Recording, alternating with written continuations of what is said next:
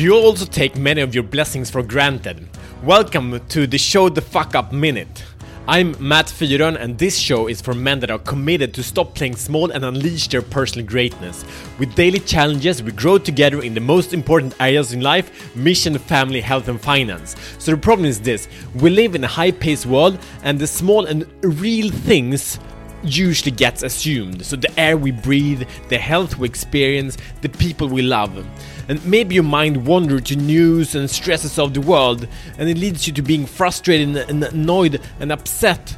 And these are all a habit. And so is gratitude, and so is present.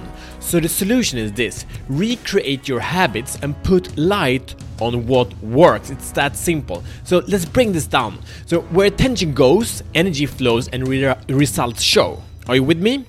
So, I, our experience of life consists of two things it is our mindsets and it is our habits.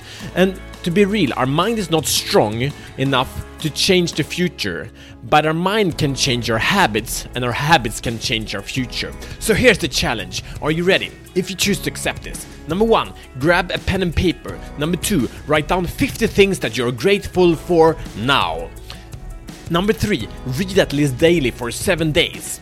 And this is a challenge. So now you uh, have the most important step, and that is to commit to take this action and do it within 24 hours. And to be able to do it, we need support, we need like minded people, and therefore we have accountability with like minded extraordinary men. So please subscribe, review, and share this podcast with a man that is ready to stop playing small and unleash his inner greatness. So see you tomorrow as better men.